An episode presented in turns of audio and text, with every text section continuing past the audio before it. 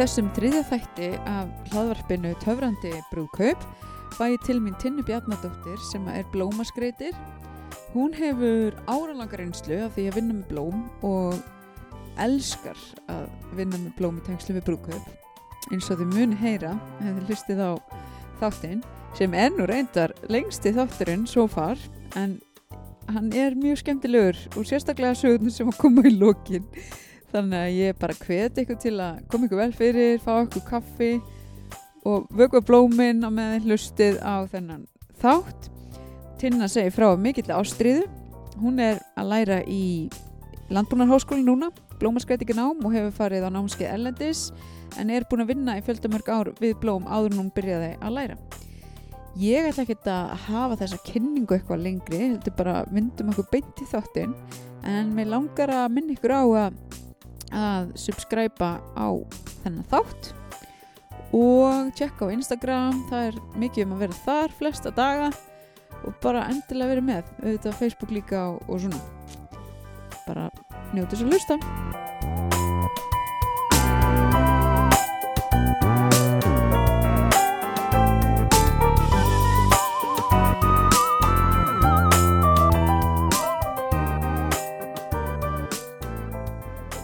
Segðu mér aðeins frá sjálfrið þér og bakgrunni þínum og hvað var til þess að fóst út í blómarskreitingar? Ástæða fyrir því í grunninn að ég fór út í blómaskreitingar voru bílatryggingar og þegar ég var átján, nítján þá þurfti ég að fara að koma að því ég þurfti að fara að borga tryggingar af fyrsta bílnum og mér vantaði vinnu Aha, og mamma stakk upp á því ég myndi aðtöku hvort það vantaði ekki auka yfir jólinn í blómál og selfossi ok. ætlaði bara að vinna þar í einhverjar kannski 5-6 vikur og var síðan búið að vinna áfram. Og hef einhvern veginn verið með annan fótinn í þessu síðan. Ég hef alltaf verið að læra eitthvað annað. Mm -hmm. alltaf verið meira í hérna sauma og teikna mála, ég var á myndlistabraut fór svo til uh, Barcelona að læra fatahönnun. Og þegar ég kom heim þá fór ég í glæðskeran kláraði ekki neitt af þessu. Nei, Og að prófa að hérna- reyna fyrir sér. ég bara, já, maður einhvern veginn að hérna var ekki nú ána með námið út í Barcelona og kostaði mjög mikið þannig ég ákvaða að vera skynsalega að koma heim en ég seldi bílinn sem að ég mitt þurfti að borga tryggunar af þannig að ég átti smá pening og var í nokkra mánuð aðeins að bara í spænskusnámi og eitthvað aðeins að leika mér út í Barcelona eftir námið Mm. Hvernig var það? þetta var ég fyrir út 2010 Já, kem heim hann að áramótin 12-13 ok. og hérna fæ svo, er, já, er að vinna bara og ákveð sem þetta sækjum í tekniskólanum og ég hef enga minninga því að sækjum ég man bara eftir að hafa fengið töl, tölupost um að ég væri komin inn. Mm -hmm. þannig ég veit ekki, ég veit, það var, mjög mikið þetta var stuðsumar í, hérna, upp í sveit þannig ég veit ekki alveg. Þetta verið eitthvað góð hugmynd kannski einhvern tímann um miðan nótt já, alveg pottjætt, ég verið eitthvað á Facebook um miðanótt og hérna síðan einhverja auðlýsingu eða eitthvað, ég veit það ekki, ég allan man ekki eftir á sótt um en ég man bara, ég fekk tölupostinn þú ert komin inn. Já, Þannig ég fyrir klæðskeran þar, uh, kláraði ekki heldur, ég hérna lendi í smá veikindum og bara þetta var ómikið og, hérna, og endaði svona aftur einhvern veginn og hef alltaf verið með annan fótinn í blómum. Þetta er rosalega auðveld vinna að koma svona einhvern veginn inn í, mm -hmm. ótrúlega skemmtileg og ég kalla blómskræningar svolítið instant list já, að þeir eru að mála eitthvað sem ég hef líka verið að gera og svona þá þarf maður að klára verkið, veist aldrei alveg hvenar það er búið og svo ferði viðbrögð. Mm -hmm. En, og líka saman þú ert að sauma og hanna þú veist, miklu ferli, miklu hönnaferli og sköpunarferli og lengi að gera hlutin oft og svo færði viðbrögð en þegar þú ert að gera blóm þá er þetta einhvern svona instant þetta hefur bara x mikið líftíma mm. og þannig er ekki eins mikið í, í húfi þetta þarf ekki að endast upp á vegg hjá einhverjum í 20 ára Já, vá, ég hef ekki hugsað um þetta svona. Að þetta er, hérna- er örugglega svolítið frelsandi. þetta er bara, þetta er indislegt og að Já. gera blómvendi fyrir fólk, fyrir framann fólkið Já, þú veist, þú færð á sekundinni viðbröðum, þú bara horfir að andlitið á fólkinu, þú sér hvort þið sé líka, líka vel við það sem þú ert að gera eða ekki. Mm -hmm. og þú getur alltaf breytt þessu í höndunum að þér, þetta er svo lifandi. Já. að hérna, og það minnst það mjög gott, eða svona, hef mjög gaman að því að þetta er bara svona núna. Já, og svo bara er þetta búið eftir viku, tvær, þrjár. Já. og þá getur þú bara gert eitthvað annað Hort á myndirna sem þú tókst af þessu. Já, dáðst að myndunum og þú veist, og svo líka ég segi, þetta er ekki eins og að kaupa sér málverk, að því þú virkilega þarft að horfa á það á hverjum einsta degi for Já. years and years and years Mhm. en með blómin þau duga kannski tvær vikur og svo getur þú fengið nýtt þannig að það er ekki svona hundraði hættinum að þú sért með alltaf með uppáhaldsblómin þín og getur Mhm. alltaf prófað eitthvað Mhm. nýtt og já, mér finnst þetta hérna, já, mjög skemmtlegt svo þegar ég flytt sem sagt á, og ég er búin að var sem sagt, bjó í bænum eftir að ég var búin að búa Spáni og búa upp sveit að hérna ákvað síðan að, uh, ég ákvaða reyndar ekki það var seld íbúðin sem ég var að leia með vinkonum minni og síni hennar, þannig að ég svona, varð að leia, nei, var Mhm. hérna að flytja ég var ekki til í að halda mér áfram í íbúðinu þeir sem keft hana. Nei, skrítið. rosa skrítið. Að, hérna, þannig að ég ákvaða það væri kannski bara komin tími til að byggja mér hús. Og ég átti lóð hérna upp í sveit réttur utan Selfoss og ákvaða að nú væri kannski bara tímin þannig að ég flytt á Selfoss fæ vinnu þar í blómbúð Mhm. og er bara að gera það sem ég hafa búin að vera að gera á og til öll þessi ár.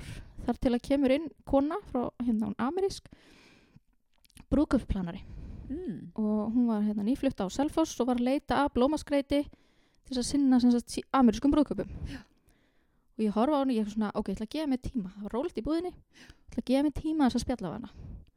Og byrja að gera brúðköp fyrir hana og það er svona fyrst, ég var búin að gera eitthvað á brúðköpum en þetta var svona fyrsta skipti sem ég var eitthvað að herði, ok, wow þetta er geðveikt Mhm. Já. og þetta er eitthvað sem ég þarf að gera meira af og akkurat þá um sumarið þetta var bara um vorið, svo um sumarið þá auðlisir garðhjúskólin að þeir sé að hefja aftur kennslu í blómaskreitingum þá var það námbúin að liggja niðri Já, í fjögur eða sex ár, fjögur ár held ég Ok. það var ekki búið vera að kenna það Mm. Þannig, að, hérna, en það var sem spyrjað aftur hérna, um sumarið þannig ég sækjum, Já. man eftir að sótum það að, hérna, og fæinn þannig að hérna, vorum sérst, hópur af tíu Já. og bara er búin að vera þar síðustu tvö ár Ok. tók það ekki að þetta er staðnámi fjarnáms úrlust þannig að ég er að taka það lengri tíma Mhm. en búin, á móti búin að vinna mikið með og maður þarf að vinna í eitt ár til að gera vinnubókina þannig að þetta er svo sem jafnast út Já. og hérna, já, og bara fór með tætnaðar ofin í brúköpslaugina og bara er aldrei að fara að snú upp úr því, finnst þetta eitthvað geðvegt Ok, skemmtilega, ég hlakka til að tala meira um það sko. En fyrst gætur kannski líst fyrir, hérna, fyrir mér náminu, ég, kannski er ykkur hlusta sem hefur bara rosa áhuga á að gerast blómaskreitir. Já, það er nú að það er tekið inn annarkvæmst ár og það er tekið inn í haust Ó, ok, þannig að þetta er fullkomið já. uh, Þetta er mjög skemmtilegt, þetta er sem sagt eins og segi tvö ár í skólanum Mhm. sem staðanám en hægt að taka þessi staðanám með fjarnámsúrlaust eða fjögur ár í sem sagt fjarnámi. þá byrjar það svolítið meira á bóklugufögunum og kemur setni tvö árun inn í verklugufögin Mm. um, þetta er sagt, mjög mikið verklegt og mjög skapandi og skemmtileg vinna og þær fara alveg ég kem að það inn með svolítið mikla reynslu þannig að mín upplifun var aðeins önnur en hérna einhvað síður lærði rosalega mikið og hefði ekki viljað sleppa þessu það var alltaf óbúslega gaman en fyrir þá sem eru minni reynslu þá er haldið rosalega vel utanum kent allt frá grunni og maður er að fara í gegnum bæði hérna e, nýsköpun. Já. Þannig að þetta er bara, já, bara farið alveg frá grunni bara uppbyggingu blómandi yfir skreitingar, útferðir, brúðkaup og aðeins nýstarlegri skreitingar og þetta er rosalega mikið um stíla og þú veist maður læri svo margt, þetta er ekki bara rosapunkt Mhm. þetta er svo miklu meira og, og gera blóma skart mjög, mjög skemmtilegt að gera svona lifandi skarkrippi og, og ég segi bara svona hérna the theory ef ég ennsku sletta aðeins því að ég verðist ekki finna orðin Já, uh, á bakvið alla stílana bakvið, Mm. af hverju erum við með kransa í útförum já, bara Eh, söguna á bakvið já. og, og hérna. og það er ferð í hérna, sem sagt, ferð í listasögu og svolítið einblínt á blómin, ég slefti listasögu að því ég er myndlistamöndu, ég, þurfti ekki að- ég fekk aðeins metið og teikningu og annað Mhm. og, en það er rosa, þetta er rosa breytt þetta er mikið Mhm. og, en, en mjög gefandi og virkilega fjölbreytt og skemmtileg verkefni Já. og þú útskrifast sem, sem sagt, garðyrkjur fræðingur af blómaskreitingabraut þannig að þú ert líka að taka trí og runna vistfræði, garðablóm Ok, já. og svo eru sér pottaplöntu áfangar því að mann selur mikið af pottaplöntum í blómbúðum þannig að þetta er rosa breytt svið sem maður er að fara yfir Já, hljómar þannig. og hérna, mjög, já, en mjög skemmtlegt og ég, mér finnst ég segi, bara instant er minnst listæði og Mhm. instant list er bara, Mm þetta er ekki ekki Já, og svo einmitt sko talandi pottaplöntur þá náttúrulega er ykkur gigantískur áhugi í dag á Er það þær bara haldast ekki í blómbúðunum Nei, þetta er já, bara, þetta er ok. rifið af vögnunum bara maður næri ekki að setja þetta á borðin. Þetta er bara, ég aldrei, maður snýr sér við og þetta er er þetta er bara, en þetta er geggja það er líka, fólk er náttúrulega bara fast heima Já, og þetta gerist í kreppunni, ég man eftir, man eftir því eftir Já. kreppuna þegar fólk var gæti ekki verið endlust í útlöndum og þurfti að vera meira heimi á sér Mhm. þá bara gerir það, er það meira til í að hafa og leggja peningi að hafa fallegt í kringu sig og leggja meira upp, upp úr því. Já, og það er sama með afskorum blóm óbáslega aukning sem er frábært fyrir íslenska blómbændur og hérna að fólk er svona, já, fólk er meira heima og það er það meira, svona, me, meira meta að hafa fallegt í kringu sig. Já, og blómin bara gleðja, það er staðrind það er staðarind algjörlega. Og svo er þetta líka eitthvað þú veist þetta með að hugsa um blómin þú veist það er svona þú færð velun þegar þú sér hvaða blómstra fallega eða skilur Já, þegar þú sér hvað þið líður vel og, og, og svona, það, þau gefa tilbaka mm -hmm. algjörlega. Já. og að hafa eitthvað að hugsa um og um þetta sjá það vaksa og dafna mm að maður fær svona gott í hjartað. Já, og það er það sem við þurfum á svona tímum. Ég held að, já. En snúum okkur á brúðkaupunum. Er eitthvað, er eitthvað öðruvísi við það að vinna að brúðkaupum þá heldur en öðrum, öðrum svona, hvað ég segja, öðrum verkefnum? Já, uh, yfirleitt er fólk að hugsa, hefur verið svona fólk, konur uh, hérna, hafa oft skil verið að láta sér dreyma meira um það eru miklu meira búin að skoða á netinu mm og mynda sér svona kannski sterkari hugmyndir heldur en bara þegar það er að fara að kaupa blómða þegar það er að fara í matabóðið eitthvað. Uh, útfæriðna líka, það er líka all, eitthvað allt annað ætla maður að taka á móti fólki í alls konar uh, ásíkomulegi og, og, og aðrar þarfir en eins og með brúðkaupir að því sérstaklega núna og á tímum samfélagsmiðla þá Mhm. náttúrulega lifa myndirnar áfram. Og þannig að mér stjórn að undarfæri meiri metnaður þá svona blómin sérstaklega á Íslandi þá hafa blómin kannski ekkit verið sérstaklega ábyrrandi það har alltaf verið lagt meira upp úr mat og áfengi. Já. Og svo næst þar á eftir kannski skemmtiðatriðum mm og blómin verið svolítið svona neðarlega á listanum. En Já. mér finnst það vera að breytast. Já, og ég held að samfélagsmiðlar og þessi endalösa myndataka hafi svolítið með það að gera. Já og maður sér líka, maður þarf ekki að skoða lengi þú veist eins og bara maður fer á Pinterest og, og, og slæri inn ykkur orð sem að tengjast í að halda veistlu sko, þú veist, þá sér maður líka bara svo mikið hvernig blóm eru allstaðar í forgrunni í, Já, í svona og líka bara í munstri. Ég, meni, ég er núna í blómpeysu já, og bara í, þú fer bara inn á fatasíður eða húsgagnasíður eða eitthvað, þá er blóm blómamunstur, blómavegfóður blóm, veist, þetta er Mhm. miklu meira og miklu meira áberandi heldur en þetta var fyrir fimm árum eða tíu árum.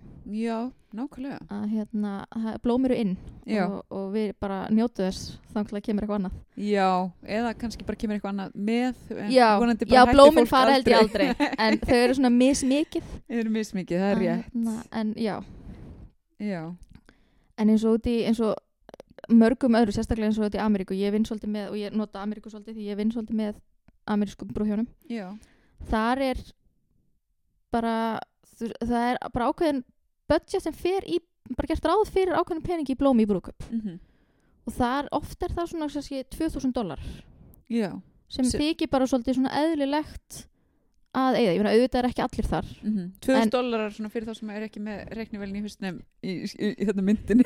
Hvernig, það Hvað er það svona 200-300.000 Já. eftir í hvernig gengið er. Já, en það þykir ekkert sko, það þykir bara svolítið svona hóft eða, já, þú veist, það er náttúrulega einhverjar sem eru kannski í kringum þúsund en, mm en svona þetta eðlilega er og svo alveg upp úr. Meina þú ert alveg með brúðkaup upp á kannski 12.000 þá eru við náttúrulega komin bara upp í einhverja miljón pluss Mm en hérna, en svona já, svona 2000 þykir bara svolítið já, svona 200-300.000 þykir bara frekar eðlilegt. Já, já mitt sem er kannski svipað og, og fólk er að eyða í mat eða, eða hluta áfengi, ég veit ekki, Já. þetta er svo misjátt reyndar já, þetta er rosa Já. eftir stærðum, stærð á veislu og svona en, en Mhm. já, þetta er að hérna, og oft úti er talað um sko hvað brúðkaupi kostar per haus já, og þá eru blómskreitingarnar inn í því. Þá er ekki bara spurning um hvaða að því að þú ert þá að bæta við borðskreitingu fyrir hvert borð sem þú bætir við mhm. ekki bara bæta áttamanns í mat þú ert líka að bæta við heilli borðskreitingu þannig að Já, það er svona aðeins já. öðru vísi heldur en öðru vísi hugsunarháttur heldur en hérna en það er að breytast með internetinu og veit, þú veist, hérna Instagram og þessu Mhm. að mér finnst metnaðurinn hjá íslenskum brúðhjónum vera orðin meiri heldur en hann var Mhm. Að, hérna, og sem er náttúrulega geggjað, mér finnst það æði. Já, einmitt. Blóm gleðja bara svo einhvern veginn. Þau gera Já, allt svo og- og það og, fólk er svo, fólk líka svo mikið til í að taka myndir og fólk er alltaf, alltaf til í að pósa fyrir framann blóm, blóm, já, já, við gerum þetta sumardaginn fyrsta í fyrra í garðakískólanu þá var ég og einn sem að gerðum blóma vegg. Ó, ég svo myndir af honum, hann var dýrlegur sko. Og hann var geggjaður og hérna mjög skemmtilegt að gera hann og stór held hann að vera, hann var einhverju fermetrar. Já. Og fólk var virkilega dugilegt að stoppa og taka Mhm. myndir. Mm taka selfies, taka og þú veist, láta taka myndir af sér fyrir framann og bara einhvern veginn, já, að að ef það eru brúðabógar eða eitthvað svona fólk er einhvern veginn meira lípa og meira til í að taka myndir af sér fyrir framann, ég veit ekki hvað það er. Nei, mitt Já, þetta er alltaf bara svo fallegt. Já, þetta er bara eitthvað, og líka bara eitthvað geggjaða myndir. Já En hvernig er er þín upplifun af, af því að vinna með brúðhjónum? Er það, er það, getur þetta verið erfitt eða er þetta oftast bara gaman eða hvernig er svona upplifun ég hef nú verið fyrir eitthvað heppin að hérna, mín brúðhjón hafa yfirleitt verið bara fyrir eitthvað reynsleg mm -hmm. og ekki, ég man ekki eftir neinu svona veseni ekki sem þau hafa þurft að upplifa. Mhm. ég er kannski tauga hrúa því að blómin sem komu voru bara hálf döið eða, veist, eða ri- liturinn sem hún vildi var ekki til eða þetta var ekki, eða, veist, það getur margt gerst bak á tjöldin. Ég gerir mitt besta að láta brúðhjónin og sérstaklega brúðin aldrei vita af því. Já. þau fá aldrei að vita af því. Og hérna ég hef alveg þurft að senka sem sem betur fyrir var brúðköpi daginn eftir að átt að sækja vöndin en ég let senka því til 5 átt að koma klukkan háti eða eitthvað. Mm -hmm. að því að rósina sem ég fekk voru bara ekki þær voru alveg fínar, þær voru ekki brúðavanda standard.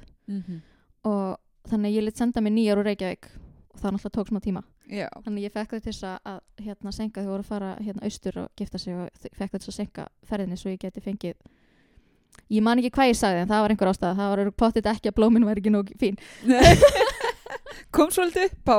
Kom eitt upp, ja, er, er ferð aðeins setna Já. Nei, hérna, nei, nei, það var brúkusplanar ég reyndar tók þau blóm þannig ég, það var allt í Já. En hérna, nei, nei, við látum engan vita þegar að hérna, blómavasanir finnast ekki eða mm -hmm. luktirnar sem voru keiftar voru ekki sendar eða við bara, við, þessu er rettað Þessu er rettað þessu er rettað Já. og hérna, svo séum við bara setna Já, akkurat En hvað er það svona sem fólk þarf að hafa í huga þegar að kemur, kemur að því að ákveða hvað skal haldið í í blómamálunum? um, fyrst og fremst hvað ertu tilbúin að eigða í þetta? Já, það hvað er fyrsta, fyrsta spurning bara. já, Mm -hmm. það er bara rosalega stór spurning. Mhm. hvað, hvað má þetta kosta? Blóm eru mjög mistýr Já, og svo er annað hvenar ert að gifta þig? Því að mikið af blóm eru ástíðabundin já, það því þið lítið að ætla að gifta sig í november og vilja bondarósir mm eða vilja gifta sig í júli og vilja tulipanna emmitt. það hérna þannig að, að það er eitthvað sem þarf að hafa í huga og að vera ekki heldur með of fastmótaðar hugmynd sérstaklega kemur að brúðavendinum að því að blóm eru ástíðabundin þetta er lifandi og svona hver skreiting er einstakt handverk Mm -hmm. að gefa, ég mæli með að gefa blómaskreitinum sem þú ert búin að velja svolítið svigrum Já. Senda algjörlega hugmyndirnar og svona inspiration myndir og svona Mm hvað það er sem þú hefur í huga og veist, eiga gott samtal. Já, en það er bara þessi mynd, ég vil svona það er alltaf pínu það verður aldrei eins fallegt. Nei, emmitt. að hérna, þú ert að taka svolítið sköpunin úr því og þetta er svona, fyrir, að, svona fyrir mína parta, það finnst mér aldrei verða Já, einmitt, líka ef maður hugsa bara, þú veist, uh, svo, sem að, svo sem að vinnur í blómaskreitingum, það er náttúrulega listamæður já, og, og í sjaldnast er, eru brúðhjónin með, með þetta sérsvið, að, að, á þessu sérsviði, þannig, þannig að það er alveg öruglega mjög bara skinsanlegt að leifa listamanninum bara að fá að blómstra innan einhvers ramma sem að, Já, sem að þú mér gefur. finnst rosalega gott að fá svona kannski þrjár myndir mm af brúðavendum sem að þeim finnst fallegur. Já, og ég pikka strax upp hvað þeir eiga sammeilagt. Ég maður sér strax að þegar maður er í þessu fæi hvað það er sem þeir eiga sammeilagt, hvað það er sem stendur upp úr. Mm og að skapa eitthvað út frá því. já, Það eru all- allar líkur á því að þú sért að gera eitthvað sem brúðurinn mun fíla en á samaskapi þá er það einstakt já, sem blóm eru, þau eru einstök. já, og hérna, svo er annað að gefa sér tíma. Mér, þú veist, Íslendingar eru svolítið svona á síðasta snúning með þetta. Já, og oft er þetta svona, ó já, blómin og hérna, allir löngu búin að panta matinn og, og allt saman. Og salinn og einhvern veginn. Og stundum þessi, ég held að sé bara að það er ekki eins, nóg- eins mikil hefð fyrir þessu Mhm. og mörgum öðrum löndum. Og oft er þetta kannski komið með kannski viku, tveggja, þryggja vegna fyrirvara og það er ekki alltaf hægt að redda öllu sem það er hægt að redda einhverju Mhm. en það er ekki alltaf hægt að það stundum það tekur tíma að sérpanta blóm Já, og hérna flytja þau inn og svona og það þarf að spila svolítið út frá því. Já, og því fyrir því betra og svona ég myndi segja svona 3-6 mánuðir væri alveg geggjað. Klárlega eftir að gera þetta með styttri tíma og gera það vel. Mhm. en eftir, miða við, svona, já, fyrir svolítið eftir umfangi.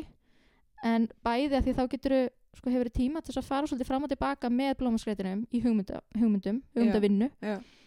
og ef þú kannski sendir einmitt fullt af myndum og það eru bara, bara þetta er allt blóm sem eru bara til á vorin. En þú ert ekki að fara að gifta þig fyrir í oktober Mm. að þá hefur líka blómskreiturinn tíma til að mæla með þá öðrum blómum Já. þú veist, maður þarf að aðtjóga hvaða blóm eru í sísoni Mhm. og sem væri hægt að nota í staðinn Mhm. og hérna, já, það er svona bara að segja, því fyrir því betra Já. Og eins líka, þú talar um að flytja inn og við erum alltaf með alveg frábærar gróðrastöðar hérna á Íslandi og þær, þau geta tekið við sérböndinu með það ekki. ef Jú, að- jú, jú, algjörlega, eh, það sem að vantar aðeins upp á hjá gróðrastöðunum er svolítið grænt, og, eh, grænt efni og fyllingarefni Mm. þau eru mjög óbáslega fallega rósir uh, ég myndi aldrei flytja inn rós eða það er mjög sérstakur litur og Mm -hmm. einhver, mjög, já, einhver virkilega ákveðin með einhverju sérstakar tegundur rósi ég myndi fara að flytja þær inn fyrir brúkup Já. af því að úrvalið hérna heima af íslenskum rósum er bara ótrúlega mikið og íslenska rósir eru bara betri það eru, maður er ferskari Já. og eru bara rektar við skilirði sem bara henda betur Já, og hérna og svo er mikið af öðrum blómum sem eru mjög skemmtilega að nota í brúðkaup, ég hef brúðkaup núna í mars sem að öll blómin, allt sem á blómstrandi var rektað hérna heima Já, æðislegt. en það sem við fluttum inn var það sem við kallum grænaefnið Mm -hmm. fylliefnið að það bara hefur ekki verið að borga sig að vera að rekta það hérna heima Já, já. og hérna þannig að það er fluttin Mm -hmm.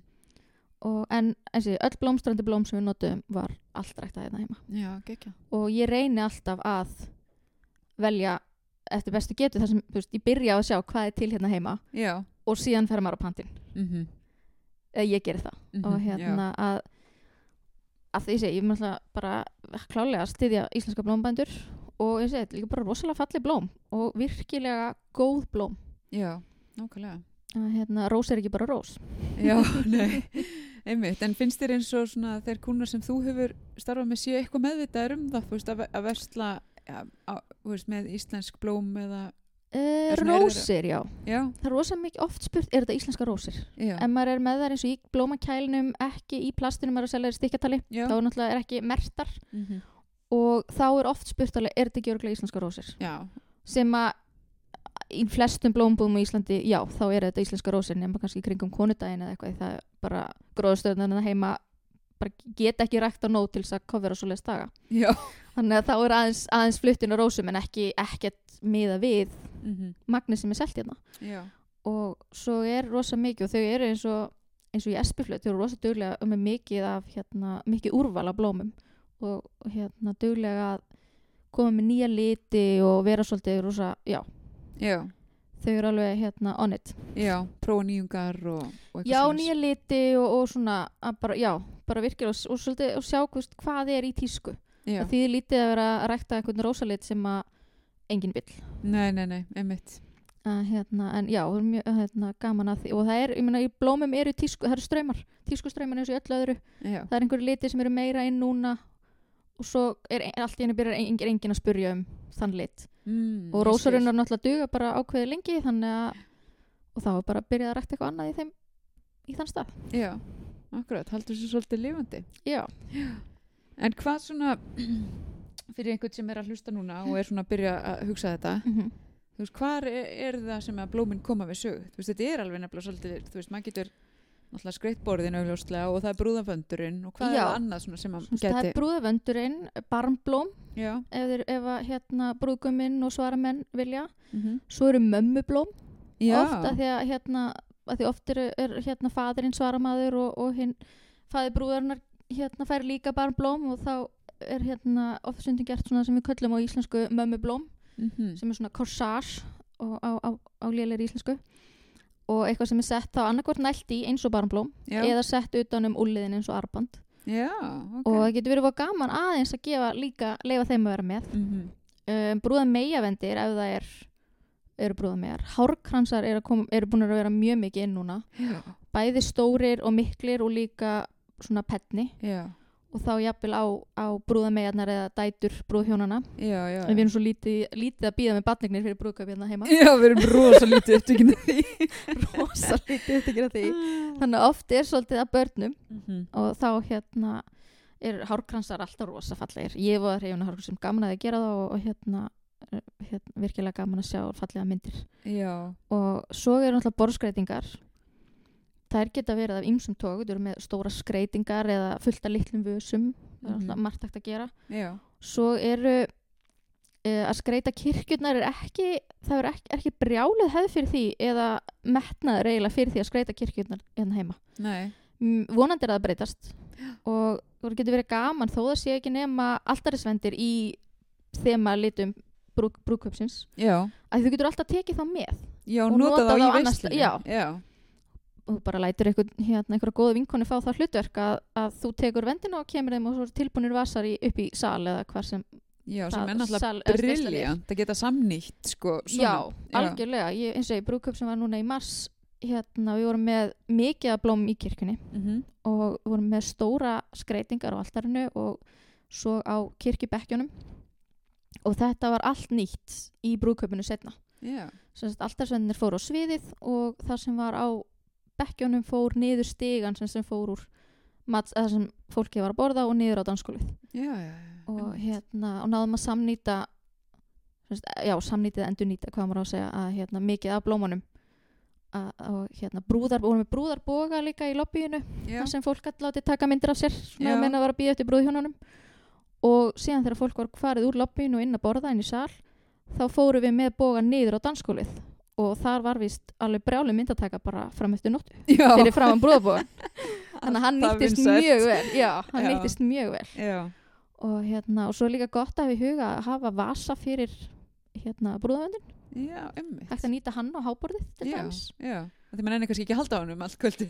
Nei, svona, þú veit, maður er upptíkin að hérna, knúsa og, og dansa Já. og borða og skála og. Hérna, en þá getur bara að leifa honum að njóta sín Já. og ef það eru brúða megavendir þá er hægt að nota þá, ég er um brúðköp þar sem að brúðavendirnir og brúða megavendirnir voru borskreitingarnar Mhm. Briljant. þannig að þetta var lítið brúðköp þetta, þetta var eiginlega bara, svona sem maður segir bridal party, það var sérst amerikanar Mhm. og síðan voru brúðavendirnir bara notaðir í, voru bara búið að setja vasa á borðin þannig að þegar þau komið þá var þetta að setja það bara beint í vatn Mhm. og það kom bara mjög vel út Já, góðum. þannig að hérna, já, um að gera að það sem hægt er að nota aftur en maður verður bara að annarkost vera með einhvern í þessu Mhm. og hérna, og rosa gott að vera með skipilegjara ef þetta eru svona ekki endilega bara eins og stærri viðbyrðir en þetta er hellingur og sem brúðhjón er ekki bara nóg að vera að gifta sig og njóta dagsins Jú, það myndi ég segja. ég mynd, já, ég er bara um að gera að reyna að koma sem flestum verkefnum á fólki kringu þig Mhm. og eða það hreinlega bara ráða einhvern Já, í það að aðstofa þig já, nákvæmlega. að, hérna, eða, já, það er svona Mhm. En eins og brúða bíl, týðkast ekki alveg ennþá eitthvað að jú, skreyta? það er svolítið Já, uh, hérna, plastlaufur á brúðabíla ekki í uppáldi á mér nei. Person, ekki persónlu uppáldi á mér það er hægt að gera aðra hluti það er hægt að setja blóm Já. það eru til græjur til að festa blóma á bíla um, og svo er hægt að gera slaufur úr öðru en, en hérna, þetta er svona mér finnst þetta og það þurfa ekki það þarf enginn að vera sammála mér. Þetta er bara mig Já, En mér sko finnst þetta skreyti. já, en mér finnst þetta plast þegar svona mikið af plastlaufum á bílunum. Þetta er alltaf svona svolítið eins og 80s prom. Mhm. einhvern veginn. Ég hérna ég er ógslag góð að gera slöfur ég get gert þær með annari Eh, ok, Já. ég lík því. En, hérna, ég get gert þær blindandi en ég hef gert þær margar. En það er svo margt annað. Já, það er hægt að, er hægt að setja blóm það er hægt að setja minni slöfur með smá blómum kannski og satínborðum eða, einhverju mhm. og hérna en já, það er líka bara að vera á flottum velbónuðum bíl og, og hérna þarf ekki að vera eins og illa skreitt jóldri Nepp, já, einmitt. já, það er en svo fyrir þá sem vilja, þú veist algjörlega og ég skal gera slöfuna fyrir ykkur, ekki máli Nei, ekki málið. Já, við erum alltaf sem betur fyrir með hérna, mismunandi skoðanir á þessu og mismunandi stíla og það sem einhver finnst geggjað finnst öðrum kannski ekki svo geggjað og, og, og alls konar. ég sem betur fer og Já. það er líka bara stór hlutaði af hverju þetta starf er skemmtilegt Já, það er engin dagur eins einmitt, ég get ímyndið með það. að hérna og já og, og já, líka bara fá hugmyndirnar og fá heyra hvað e- brúðhjónin er að spá og gera það að veruleika Mhm. og hérna það er hægt að gera, útfæra sömu hugmyndirnar á mjög mismunandi hátt og ég segi, ef það eru minni peningar sem fólk vil leggja í það þá Já. er oft hægt samt að framkvæma og fá fílingin alveg eins og það er hægt að gera það fyrir meira Já, að nákvæmlega. hérna, já svolítið bara hvar eru áherslunar Já.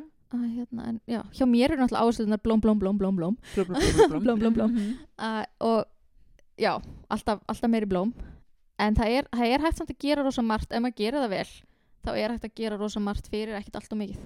Ok, já, Mm. það er góða fréttir. fyrir verðandi brúðjón En hérna, er eitthvað svona trend og tískuströmmar í, í svona blómum fyrir brúköpsveslur og, og, og bara í brúköpum? já, Já, það eru mjög sterkir tískuströmmar ok. það er búið að vera rosa mikið burgundy and blush. Það er að breytast aðeins núna yfir í navy og blush. Já, um, mér finnst líka núna aðeins meira skæri litir, meiri fjúsja og blush og svona kannski með aðeins appelsínugulu í öllu sem bleikulitum og mhm. bleikt fjólublátt og appelsínugult jafnvel Já, Eucalyptus er búin að vera bara í fyrsta, öðru og þriða sæti núna í mörg ár já, já. sem að ég veit að margir eru búin að fá alveg upp í kokaf ég Mhm. elska þetta Mm bara Eucalyptus alla daga, allan daginn allar tegundir, það eru svo marga tegundir er svo gaman að blanda þeim saman og minnst þetta, ég er alveg Eucalyptus alla leið, ok. ég veit að það eru margir sem eru búin að fá algjört ógeð Já, já. uh, ég er allan ekki komið þangað en þá og hérna, en það er svona já, svo er þurrkuð blóm svolítið að koma inn Já, er það ekki? Jú. Mér finnst ég sjá það sérstaklega hérna þegar maður er að skoða svona erlend, erlenda síður. já, þurrkuð blóm og í bland fersk blóm Já. og alveg bara þurrkuð blóm Já, og hérna, þurrkuð blóm eru viðkvæmari brothættari en það er vel hægt að gera þetta alveg eins og ég er búin að vera að gera brúðavendi með þykblöðungum bara pottablöndu þykblöðungum já, ok. það er hérna ekki það auðvöldasta, svolítið þungir vendir já. en hérna vel hægt og mjög fallegt Mm. þannig að bara um að gera, skemmtilegt. gera það sem að já, bara og koma með hum það þarf ekki að vera til myndaði sem þú vilt Nei, þú mátt líka bara segja, hei, þetta er það sem ég langar eða þetta er það sem ég dreymir um. Já, og bara sjá hvað það er hægt að gera. Nákvæmlega. En hérna varandi þurrkuð blómin, Mhm. er, er einhver á Íslandi að þurrka blóm? En þetta er alveg svolítið kunstur það ekki, að þurrka þau þannig að þau standi flott og séu haldi lit Jú, og, þannig að þau haldi lögun og lit. Uh, við gerðum aðeins smá, reyndum að gera smá tilhörnum með þetta upp í skóla. Uh, samnefandi minn var mjög sterk í þessu. Síðan kom COVID já. síðan Ég- fauk þakið af skólanum Óguð, já. hurðin inn í stofun okkar fauk upp og fylltist alltaf snjó hún gafst aðeins upp á því verkefni akkurat um það leiti Það voru Þannig- þurrkuð blómin ekki svo þurr lengur. nei, eða- þau voru aðeins nei. minna þurr Æ, en En- leiðilegt. það var samt mjög gaman að fylgjast með því núna í vetur hvernig hversu, eða svona, hvernig- já, hvernig blómin þurrkuðust mismunandi Mhm. sum blóm sum blóm sem eru svona allt í lægi bara eitthvað svona, eh, plain, fersk geta verið alveg óbáslega falleg þurrkuð Mm. og svo geta verið mjög falleg blóm ferðin bara ekki vel að þarna Nei, einmitt. þannig að hérna, þetta er ekki já, þetta er ekki alveg það sama en, en mikið af þessu, ef ekki allt er fluttin Já, að hérna, þetta er náttúrulega rosalega létt vara já, að flytja inn já. og hérna pakkast vel yfirleitt en ég er ekki vissum að sé mikið verið að þurka ekki til sölu hérna heima Nei. þó ég veit, ég ætla ekki að, þú veist, ég ætla ekki að alhæfa neitt en, en eftir því sem ég best veit Já, að þá er þetta, er þetta fluttin já. Annað sem ég hef svolítið mikið séð hérna þegar að því ég er svona alltaf eðla svolítið upptökin að þessu. aðeins, Hérna, ef ekki núna, Já. þá einmitt. En hérna, já, það er að fólk er úrslega mikið að nota hérna ætileg blóm í, þú veist, kökuskreitingar og, og kannski ekki ætileg blóm, ég veit það ekki, en ég Já. finnst einhvern veginn, ég vona þessu fólk sé ekki eitra fyrir gestunum sko, sínum. nei, nákvæmlega, sko kosturinn við að vera á litla Íslandi er að við höfum rosa greiðan aðgang að gróðurstöðunum, ég veit hvaða gróðurstöðar er að nota lífrænar varnir, Mhm. þannig ég veit að rósir frá þessar og þessari gróðurstöðunni, það er ekkert mál að nota þær á köku Mhm. um, það er aðeins meira með innfluttu blómin, maður veit ekki hvað var sett á þau. Nei, en þetta er náttúrulega yfirleitt það lítið ég veist að það sé enginn að fara að fá enginn að fara að verða lasin Nei, en svo er þessi með júkalektusin, hann er vinsæll. Já, hann gefur, hann smitar í kökuna. Það kemur myndu, eða svona, svo- já, hálfgerð svona myndubræð já, ok. í, og ég hef alveg verið í veistlu þar sem að var spurt alveg, já, hvað er, hvað er mynda í súklakökunni og Mhm. neina, það var júkaliptu svona á henni. Já, ok. þannig að maður aðeins að passa sig.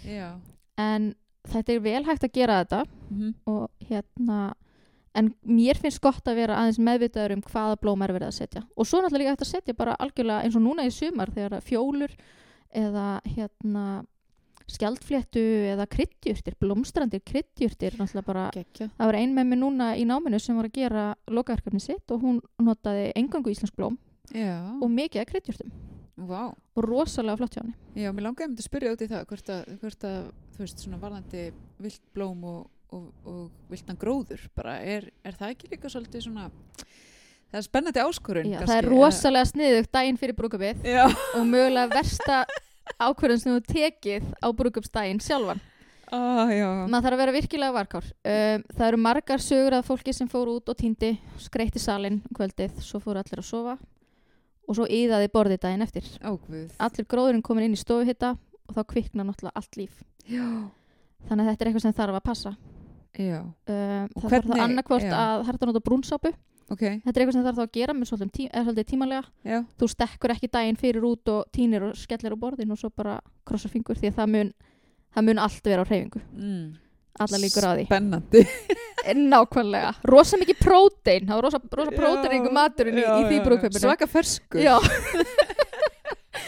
Að, hérna, en þetta er algjörlega og ég veist, ekki að tala gegn því, alls ekki heldur Nei. bara þetta er eitthvað sem maður þarf að gera uh, með, þegar maður þarf bara aðeins að vera, hugan, ve- vera með hugan við það það sem maður er að gera þegar maður er að nota út úr, frá úr garðinum eða fara eitthvað á tína Já. ef þú ert með til dæmis ef þú ert að týna hérna köngla eða eitthvað, segjum sérst með haustbrúkaup eða eitthvað svoleiðis, að Já. baka þá þú veist, þannig að það drepist allt sem er kvikt Já. Bakað þá við hvað mikinn hitta. Google segir þér það örglega Já. Einmitt. ég má það ekki En svona, ef- segjum svo maður ætla að fara út og klippa byrki eða skilur hvernig, Já. hvernig myndur handira það en þú ég myndi úða brúnsápu brúnsápsblöndu Mhm. á það Já. eða eitræða Já.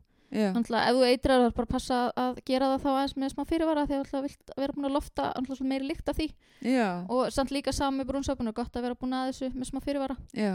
og hérna, já, bara aðlega að það þarf, það þarf bara að hreinsa blöð, blómin og vera viðbúin því að það verði fleiri gestir en búið var en eins og alls Já. ekki að tala gegn því að gera þetta Nei. En maður þarf bara aðeins að maður bara vera meðvitaður Já. hmm. Einmitt. og það er alveg, já, það er munur á blómanum sem þú týnur út í garði og blómanum sem þú kaupir í blómbúð Já. Nákvæmlega. En svona varðandi blómin sjálf, þú veist, hvað, hva, ef þú færir þessa leið, hvernig myndur þú gera það? Þú veist, segjum svo svona einhver bara komið til þín og segir bara, ég get borgað þér tímakaup en ég hef ekkert budget fyrir blómum, getur þú hjálpað mér? hvað, hvað myndur þú gera? um, það er góð spurning um, sko, vilt íslensk blóm eru sem eru með sko nógu langa stöngla og eru svona hægt að vinna með mm. auðveldlega í þessu það er hægt að víra allt veist, það, er, það, er að, það er hægt að vinna með allt en er þetta er núna lúpina, hún litar þannig að hún, hún skemmir kjólinn, þannig að nei ekki, lúpínu, ekki Ókei. taka lúpinu Já. það er annað sem maður þarf að hafa í huga veist, með val á blómum, lita þau mm. náttúrulega þá þarf að loka fyrir endan eða vel, já, það þarf að gera ráðstafanir Já. svo að það hérna, er leiðilegt að vera með blett framan á kjólnum Nákvæmlega. og hérna en ég hugsa að ég myndi þá kannski fara meira út í strá Mhm. og grænt og ég með taka svolítið þurrkaða svona það sem þotnar fallega og Já. jafnvel bara vera búin að þurrka það af því þá veit ég að það er ekkert lengur í því Já. og hérna búin að líða það langur tími Já. að já, ég hugsa ég myndi fara meira meira þá leiðina Mm að, hérna, og nota ling, kannski beitiling eða eitthvað og víra það kannski búnt svona inn á milli eða eitthvað. Já, spennandi. það getur verið fallegt Já, algjörlega. En já, við töluðum aðeins um hérna verðmiðan svona hjá þessum sem eru að koma frá Ameríku. já, En hvað svona, já, hvað, hvað myndir þú segja fólk að gera ráð fyrir um, að hafa þetta sem stóran hluta af budgetinu? Það er mjög erfitt að segja. Um, ég hef verið með tvö, tvö brúkup sömuhelgi um, þær voru með borguðu, það kostaði þær mjög svipað eða þau, ok. brúðhjónin. Uh, önnur hjónin komu og náði í blómin og vorum með bara aðstofafólk sem að setja það saman og setti í vasa hinn setti ég allt saman. Ég buntaði allt, þau voru að finna var þau voru með sömu vasana, voru bæði með svona litla flöss, endurnýttu glerflöskur. Að þau voru með nákvæmlega sömu vasana og svipaðan borðafjölda. En ég buntaði allt saman og eina sem þau þurftu þá að gera sérst brúðhjón, kallum þau brúðhjón 2 já, var að koma sérst, og taka blómin og raða þeim í vasana. Já, þú veist ekki klippa neitt eða binda neitt eða gera neitt. Að önnur brúðhjónin voru með mjög ódýr blóm á meðan að hinn voru með mun dýrari blóm. Já, en þau borguðu það sama. Já, já. því að önnur brúðhjónin gerðu eða sérst vinir þeirra gerðu þetta hjálpuðu þeim með að Setja framkvæma. ég gerði náttúrulega vöndin og barblómin en nú erum við bara að tala um borskreitingar á meðan að ég gerði borskreitingarnar fyrir hinn. Þannig að þetta er, þetta er mjög erfitt að svara. Þess vegna finnst mér betra ef fólk er búin að gera og ég meina auðvitað ef þú getur verið sveigjanleg þarf ekki að vera bara eitthvað þetta er upphæðin og ég fer ekki krónu yfir eða undir. Mm en að sína blómaskreitinum myndir, fyrsta lagi náttúrulega velja blómaskreiti sem að þú fílar það sem hún er að gera. Þú fílar uh, hérna stílin Emmitt. af því að við erum jafn ólík og við erum mörg. Og að ræða þessi, það er líka gott á tíman ræða þess hvað þú vilt hvað, hvað þú getur eitt í þetta, hvað ert tilbúin að í þetta og hvað er hægt að gera fyrir það. Og þá líka færðu oft betri hugmynd ok, nei, mér finnst þetta kannski ekki nóg mikið ég ætla að eigða meira í þetta og fá þetta svona og svona svona. Já, eða bara heyrðu ok, frábært eða heyrðu, nei, þetta er alltaf mikið, ég þarf ekki svona mikið. Ég ætlaði bara að hafa þetta eitthvað lítið og létt. Já, en brúðarvendir eru svona, ég myndi segja brúðarvendir íslenskir, þeir eru ég vildi ekki dúrfosalega stórir, þeir eru freka penir mhm, svona meða við.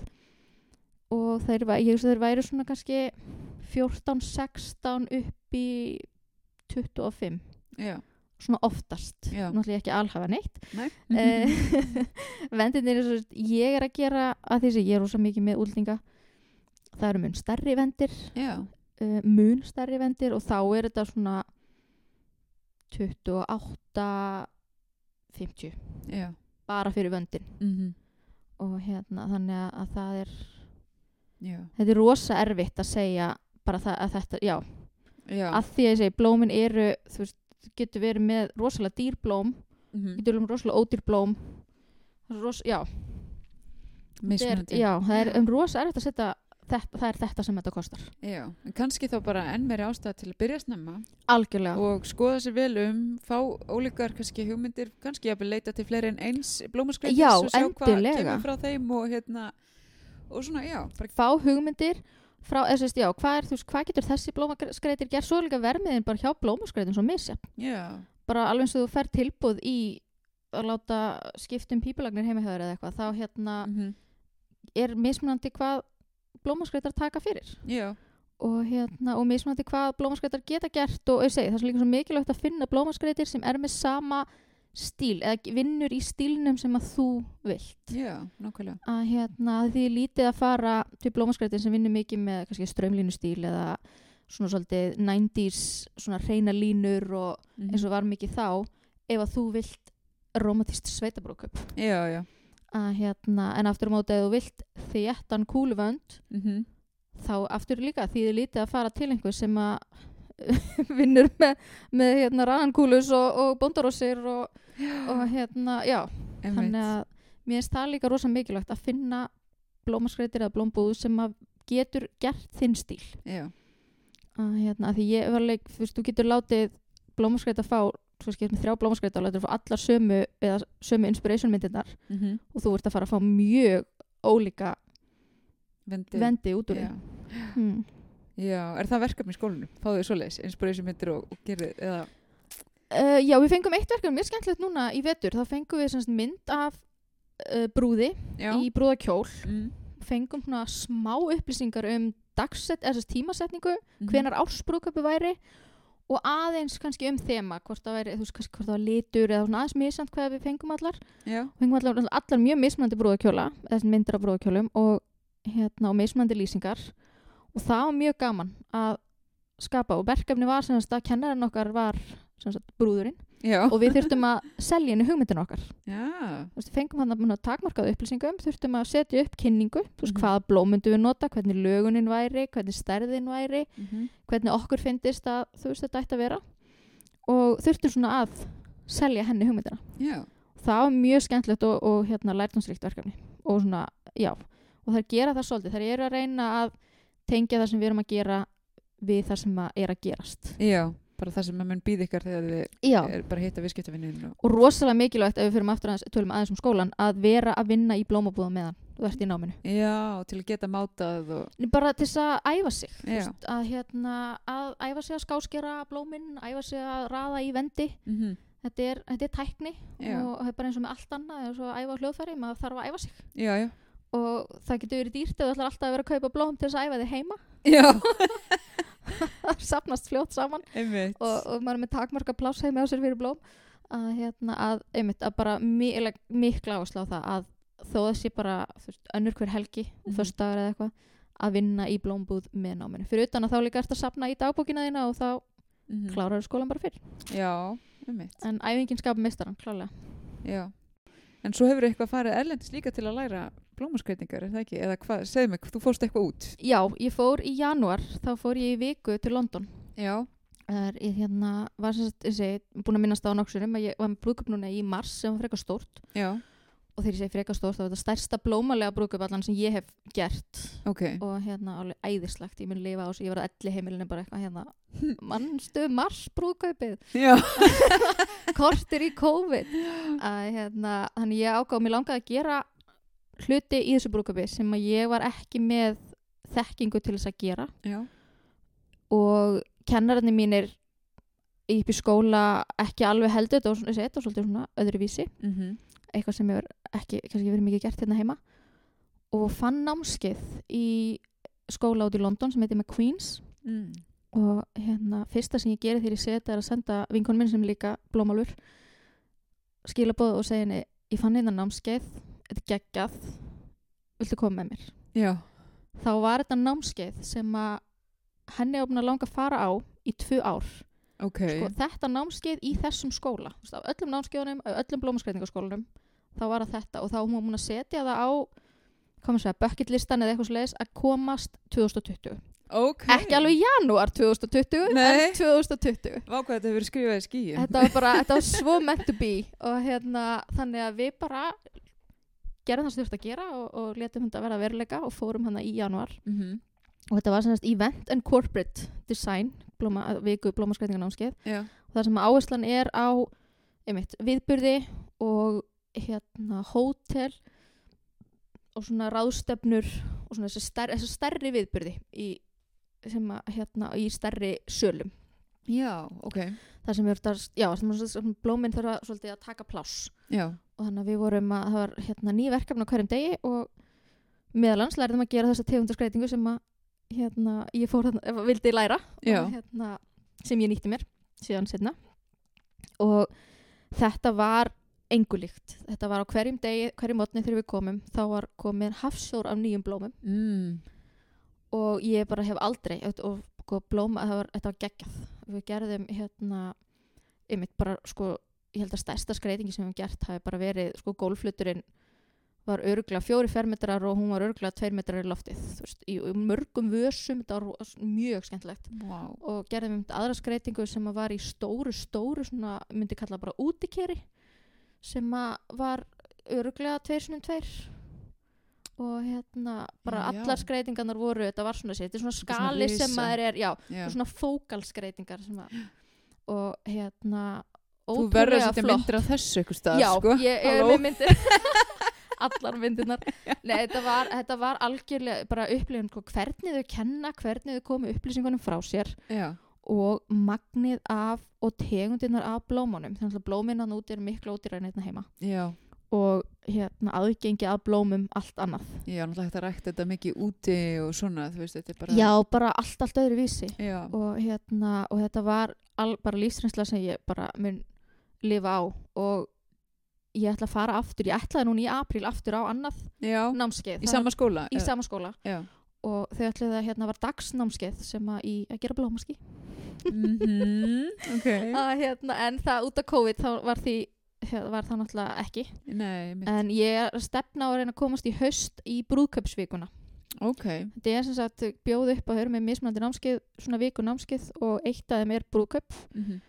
og ég er með, já, ég ætla að reyna að komast í haust og komast þá á brúðköpsnámskeið og ef ég er heppin þá get ég blanda þessu dagsnámskeiði Já. inn í því þau eru kend á lögatum já, já, já.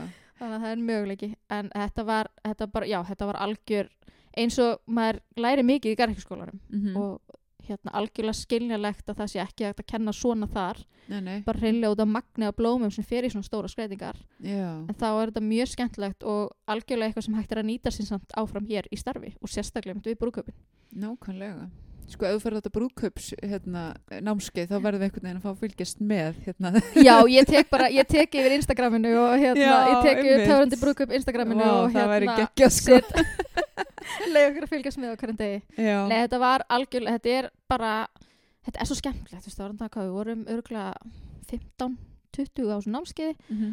og þú veist, allstaðar á heiminum það var einn hann sem var frá Ísrael og, og það bara já, hérna frá Kí, nei, Japan og Kóreu var einn hann frá Honduras Mm. það var bara allstaðar á heiminum þetta var mjög skemmtlegur hópur Vá. og hérna, og bara, já þessar, þetta, ég, ég er að senda það myndir þetta var geggjað Já. Ég ætla að byrta þær í bloggfærslu. Þannig að fólki sem er að hlusta getur farið og fundið þetta þar. Þetta, ég er alveg mjög spennt, sko, að sjá. En hvað, hérna, áttu ykkur svona eftirminnilega brúðkaups, eitthvað, e- eftirminnilegt brúðkaupsgigg sem við getum sagt okkur frá? eitthvað svona epic. Já. Já, um, það 2018 þá var haft samband við mig og það voru svona áströlsk hjón, eða verðandi hjón þá, Mm sem voru að fara að gifta sig í Lapplandi. Og brúðurinn vildi brúðarboga. Og svo sem var að skipilegja allt saman fyrir þau er kona sem ég vinnu svolítið með. Og hún sannferði um að það væri, ef þau vildu þetta, vildu þennan brúðarboga, -hmm. Að þá þyrftu þau að fljúa mig út Já. og ég var eitthvað, herr, nei, hvað, come on Nú no, Finnland. Finnland er alveg, þú veist það er alveg, það er hljótar blómaskreitar í Finnlandi Já. en hún þekkti ekki hún ætla ekki kannski með eins góð sambund þar eins og hér mm þekkir ekki eins vel til nema í þessum bæ þar sem að brúköpi var hann rétt fyrir utan bæ sem heitir Ívalú Mm í Laplandi og þar eru tvær blómbúður og mér, hún segir mér að þau séu bara í jarðaförum Ok. þau eru ekkert í þessum brúköpum þau eru bara í jarðaförum og þau, þetta er bara eitthvað ekki sem hún myndi treysta þeim til þess að þetta væri ekki eitthvað sem þau var að fara framkvæm þetta væri bara ekki þeirra Mm -hmm. og, og ég eitthvað ok og ég, hún setið mér í sambandi við brúðhjónin og ég sendi svolítið margar skissur ég ég aldrei skissa að kom hérna myndlistamentunum sinni vel Mhm. Já. og sendi þeim skissur og var svona svolítið fram og tilbaka og, og þau hérna sendi þrjú tilbúð Mhm. sem sagt með mismunandi magni af blómum og stærðum á bóganum og svona og hérna þau samþykja stærsta pakkan sem var alltaf bara gegja Já. og hérna ég panta blóm hérna heima tróð fyllt tvær ferðartöskur Af blómum hér? af eukalyptus og limónium limónium var frá Espiflut Já. eukalyptus sem var náttúrulega fluttur inn frá Hollandi sem ég síðan flutti með mig til Finnland en blóm eru dýr í Finnlandi þau eru dýr á Íslandi en þau eru dýrar í Finnlandi Já, er þetta tilfelli? þannig að það borgaði sig og bara líka því ég geti verið vissum gæðin á eukalyptus þetta er Mm tími þar sem að eukalyptus þetta var hann í byrjun desember maður getur verið svolítið svona ekkert alveg garanterað að hann sé geggjaður alltaf Nei. þannig ég vildi vera vissum að ég, ég vissi hvað ég væri að fara að fá Já. og hvað ég var að fara að vinna með og það kom bara mun betur út fyrir mig því ég heldur ekki aðganga heildsölu Mm í Finnlandi Nei, nei. og hérna þegar ég segi mömmu frá þessu hún bara já og hvenær förum við Aha. þannig ok. að hún, mamma kom með mér sem var frábært hún er mjög hérna, flink og, og flink í höndunum þannig að hún, við fljúum hérna út Já. lendum í Helsingi erum þar eina nótt og ég, þegar ég kem á hótelið þá er ég alveg já, eru þið með uh, kælir sem ég geti geimt farangurinn minn í og konan í lobbyinu bara eitthvað ha, nei, ha og enda með því að við fengum einhvern sér líkil til þess að opna gluggan hjá okkur þannig að ekki hægt að opna glugga á hótelherbyggjum almennilega Já. og hérna notuðum komst því að myrkunagardínur eru mjög hérna, þær, þær eru hérna blokkara kulda mjög vel Ok. þannig að við byggum til smá kæli hann á bakvið myrkunagardínunar og svo flugum við daginn eftir áfram til Ívaló Mm. og hérna þegar ég kem þanga þá var mitt brúkasplananu bara að horfa á farangunum minn og bara er þetta allt og sumt Já. Og ég eitthvað, já, já, þetta er, ég segi, ég er ógislega góð í Tetris þetta er alltaf læg, svo þegar ég byrja að móka upp úr töskunum þá róaðist hún nú, þetta var mun meira en hún, held þetta væri. Já. og ég hafa búin að vera sem setti mér í samband við þessar tvær blómbúður í Ívaló. Mhm. og hérna önnur þeirra var betri í ennsku en hinn þannig að ég bað hann um að panta fyrir mig 100 avalans rósir sem eru rosalega fallega hvítarósir því það var eina sem hún vildi, hún vildi eukalyptus eina tegundu eukalyptus og hvítarósir og ég samfarna síðan um að taka Misty Blue Limonium að því hún var með lavandir líka eitthvað í brúðavendinu sínum. Já. og að finna er hún var með gerfi brúðavend Nei, hún, hún, vildi, hún vildi ekki að ég gerði brúðavendin hún, hún var bara með gerfiblóm sem hún kom með frá Ástralju Já. en, ég, en brúðabógin var sagt bara aðal aðalatriðið. Og var giftuð þessu undir bóðanum? Já, giftu þessu undir bóin þetta var svona gler uh, ígló, svona gler Mm. tjald einhvers konar sem Já. að brúðabógin var inni Ok. og hérna, og það er náttúrulega það er sko næstu því bjartarna milli 11 og 2, þetta er svo norðarlega í og það er desember Mm og hérna, þannig að það er myrkur og norðurljós bara næstu allan sólaringin Já. og við förum hérna út og, og já, gerum sem sagt bara var vaknað mm, hérna snemma til þess að klára búin við byrjuðum deginum áður og, og hérna settum upp og síðan gerði ég hluta af búinum þannig að hann væri sem það er að taka hann af. Mm og við notum hann sem skreitingu fyrir framann arinn þar sem þau borðið, þau voru bara tvö ára engi gestir. Já, já, já. að hérna, að því að þegar þú ert ekki að gefa 200 manns að borða þá getur þau flóið blómaskreiti frá Íslandi. Með blómi með ferðartösku. blómum, með fulla ferðartöskur af blómum. Og hérna, þannig að ég sem skreittir, við skreittum líka sem sagt um, salin, Já. þar sem þau sátu bara tvö, þetta var bara mjög romantískt borð fyrir tvo sem við skreittum og sem sagt, fylltum arinn af kertum og settum skreitinguna þar fyrir framann og, og gerðum hugulegt Já. og hérna, en þegar ég sem sagt, sæki rósinar í blómbúðina þá hérna legg ég bílnum þarna fyrir framann og snýmir að mömmu og segi já, þau eru sem sagt bara í jarðaförum því það fyrsta sem ég sé eru tveir leggsteinar Ó, fyrir utan blómbúðina spennandi. spennandi. Mm og alla, en rósnar voru guðdamlega fallega og hún var rosa næs svo sem átti þá blómbúð Já. svo erum við þarna daginn sem brúðkaupið er þá erum við aðeins, við erum búnar bara að öllu og þau, fólki bara örgulega borða eða eitthvað. Mm og við erum aðeins að rúnda um þennan litla bæ og þeir séu rúnda um, þetta var ein gata. Já. og cirka bát. Og hérna finnum hina blómbúðina Ok. þannig að sjálfsögðu þurfum að fara þangað inn.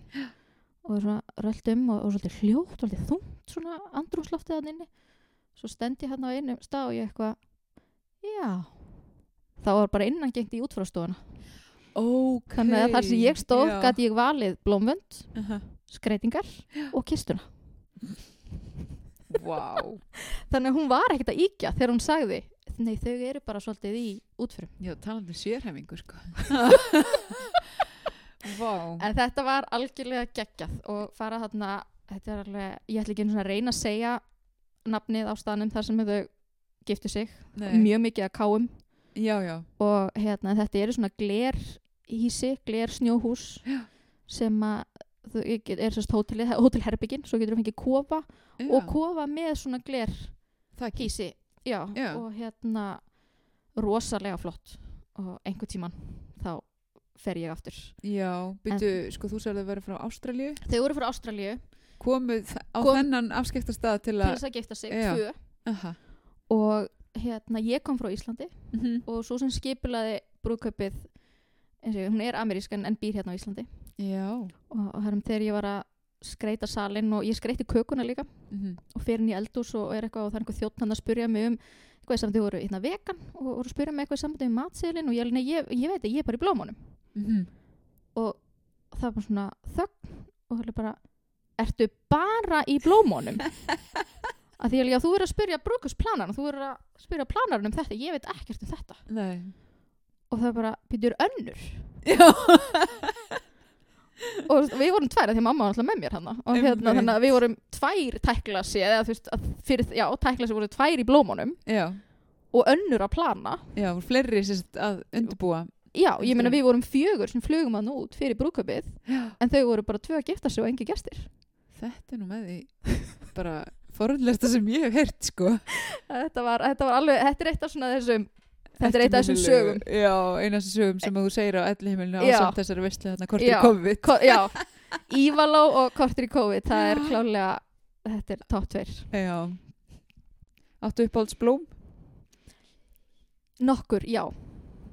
Uh, vaksblóm núna Já, og fresjur um daginn en það er ekki lengur, maður fær það ekki lengur. Uh, limónium finnst mér líka æði og bóndarósir, ég er algjör sökkar fyrir bóndarósum mm. og hérna og þegar ég segi þetta núna upp átt þá áttaði mig því að þetta eru allt blóm sem ilma já. því ekki öll blóm ilma, alls ekki Nei, einmitt. en þetta eru allt blóm, að ég hugsa út í það allt blóm sem ilma og svo júkaleptis sem minnst æði og einmitt ilmar dásanlega Já, þannig að ég, hvort að það sé ilmurinn eða útlitið af blómunum við munum örgulega aldrei komst að því hvort er hvað það er nei, sem er að heilla mig. Með nei, nei, nei, nei, einmitt. En hvaða leið færir ef að, ef að, ef að þú verður að gifta þig núna í, í vali á skreitingum fyrir þitt brúðkaup? á skreitingum ég hugsa að fólki, gestirnir fengju Ritz keksaborða Já, það allir peningur fær í blómin. peningur færi blómin og ég myndi bara ekki að gleyma matnum. Nei, hérna, ég lík því. Uh, ég hugsa að ég er þið með ég er þið með stóra menn, þó að ég sé ekki mjög há Mm og það eru ákveðna reglur um það hvaða hérna, líkamsform bera hvaða vendi best og hvaða kjólaform uh, bera hvaða kjóla best og ég er hugsað að það. Já, læra, ég er náttúrulega að því ég er náttúrulega með bakgrunn í fatahönnun og, og, og hérna fatasöum og klæðskera og að náttúrulega mikið spáð í í þessu. mm Ég hugsa að ég væri bara eitthvað don't care. Já, já. Ég er bara að fá stóran vönd Mm með öllum uppáhaldsblómanum mínum og hérna og þó ég þurfi hjólburur til þess að aðstofa mig með hann niður. Nei, ég segi ég ætla ekki alveg að fara breskuleðina en jú, ég myndi vilja hafa hann stóran -hmm. og hérna og ég myndi örgulega vilja hafa blóm í hárunu líka. Já. Ég er alveg þar og hérna brúðaboga Mm -hmm. ég var að láta smíða fyrir mig rólu Ó, og hérna sem að ég var um það að skreita núna fyrir lokaverkarinn mitt. Og hérna og er að fara að skreita aftur núna við erum að fara að gera myndatöku upp á jökli það verður mjög skemmtilegt. Ok. og ég myndi örgulega vera með hann einhver staðar. Og ég leitt smíða fyrir mig brúðaboga sem ég var að nota í brúðkaupin núna í mass Já, og hérna hann er í sama stíl og rólan. Ok. okay. verður með hann pottið einhver staðar líka. Og stórar borskreitingar og Mm -hmm. fljótandi, fljó, örgulega með blóma skí einhver staðar. Já, ég er með, er með ákveðna þráhyggju að fá að búa til almennilegt blómaskí ó, mér finnst þið svo geggið. þessu geggjuð. Og hérna ég er að vona að því að hönnunumars var frestað að ég ætl- í samstarfi við eina sem er að taka þátt í hönnunumars þá ætla, ætla ég að gera blómaskí fyrir hana. Eða grænt skí Já, að hérna, að ekki neinn blóm í því það verður bara grænt, bara græn blöð. En, en skí einhvað síður. Já. Mm og hérna þannig já, það væri blómaskí einhver staðar og þetta væri, já þetta er örgulega, fólk væri já, Þurfti að fá svo ofnæmistöflu bara á það kemur. Já, klálega. Ég, ég áður mitt eina mjög góða vinkonu sem eh, sko áður fyrir rósum og hún, ég, ég myndi ringi hana svona tíu dögum fyrir brúkup og segja, já, nú byrjar þau. Já, byrgjaðu upp. Nú byrjar, já, hún byrjar að byrja þau upp og hérna, ég, já, blóm bara, blóm út um allt. Blómundum allt. Já, en ekki, en ekki, ekki svona, þú veist, of mikið af þeim. Mm -hmm. Af því að ég vil hafa þetta fallegt. Já. En klárlega svona, ef að segja svona moment, svona Mhm. blóma moment já. út um allt. Já. No, vera, já, vera hann á nokkrum stöðum með svona blóma móment, það verður pínu kannski eins og listasýning Já. kæmir inn og draga því í gegn Já. svona, svona hér er eitt verk, hér er annað verk Nákvæmlega. að hérna, listamæður, hérna, minn innri listamæður Er, já, ég hugsa, hugsa að það væri emmitt. og stórvendur, Stórvendur. stórvendur Blómalistaverk. Mikið blómum. mikið blómum Blómaský. blómaský, blómaský klárlega blómaský, blómabói og blómaróla Aha. að, hérna, og fullt, fullt af litlum glerfisum eftir, að flöskum eftir öllum eftir hérna, borðunum Mm með alls konar blómum Já. að hérna, ég, myndi ekki vera með svona þungar skreitingar Mm ég hugsa að ég hugsa að, þeir, að þegar ég er með svona mikið af svona starri verkum -hmm. svo þau fengi að njóta sín þau ég myndi vera með svona aðeins léttar á borðunum Já. en samt fullt af blómum Yes. Hljóma geggja. En fyrir þá sem að vilja kannski tjekka uh, á því sem þú hefur verið að gera eða hafa samband við þig, hvert geta þeir leita? uh, ég er með Facebook síðu uh, það er Bjarnadóttir Bespoke Floristry Já. og svo er, bara, er ég Tinna Bjarnadóttir á Instagram Já. en hérna ég er búin að vera já, ég reyna að setja einn svolítið að myndum og brúköpum inn á Facebook Já. og reyna að setja það svona svolítið í heilsinni brúðköpin núna undarfarið Mhm. þeir eru ekki langt síðan ég opnaði þessa síðu ekki langt síðan ég gaf mig tími í það og hérna, nú er lokaverkefni búið nú er maður allan tíman í heiminum Já, getur farið að hlaðin myndum og svona. já, hlaðin verða já, þannig að það er svona best að ná sambandi við mig þar Ok. Snilt. Takk helga fyrir að, að spjalla við mig um blóm. takk fyrir að nennan hlusta á mig og tala um blóm því ég get haldið áfram endalust Já, ég líka. Takk fyrir.